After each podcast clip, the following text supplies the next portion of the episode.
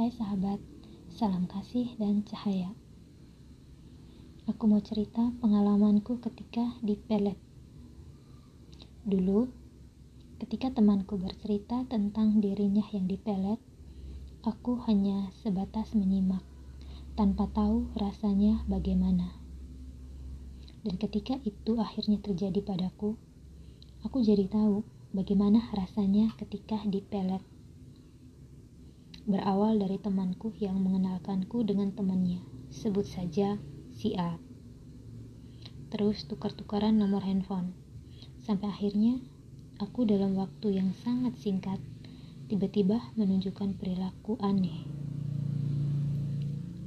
Aku tidak bisa kalau tidak melihat wajahnya sehari saja. Rasanya ingin mati saja. Dan ada rasa tidak tenang di batin aku sempat berpikir, kenapa aku jadi aneh begini? Secinta-cintanya aku dengan cowok, tidak pernah yang seperti ini.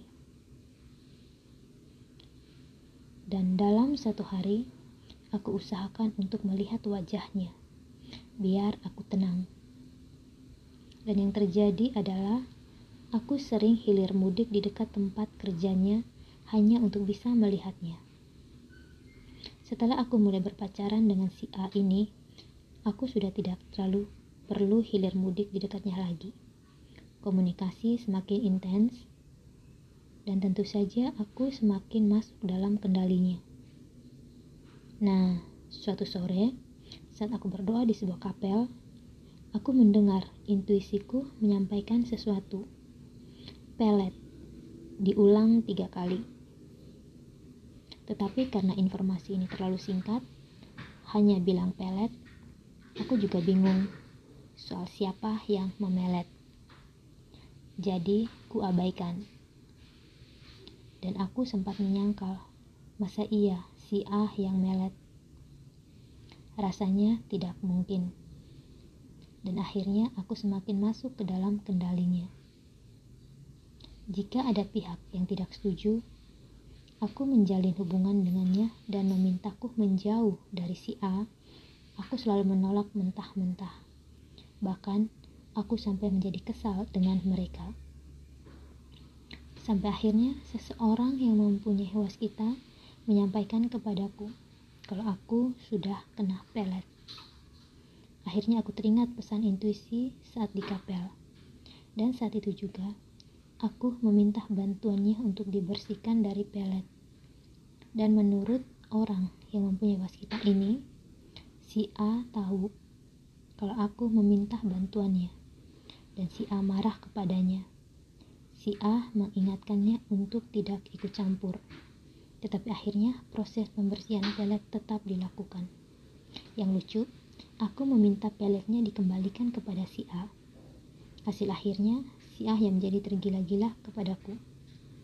Dia sempat terlihat hilir mudik di dekat tempat tinggalku. Sampai akhirnya aku mengurung diri saja di kamar, tidak ingin berurusan dengannya.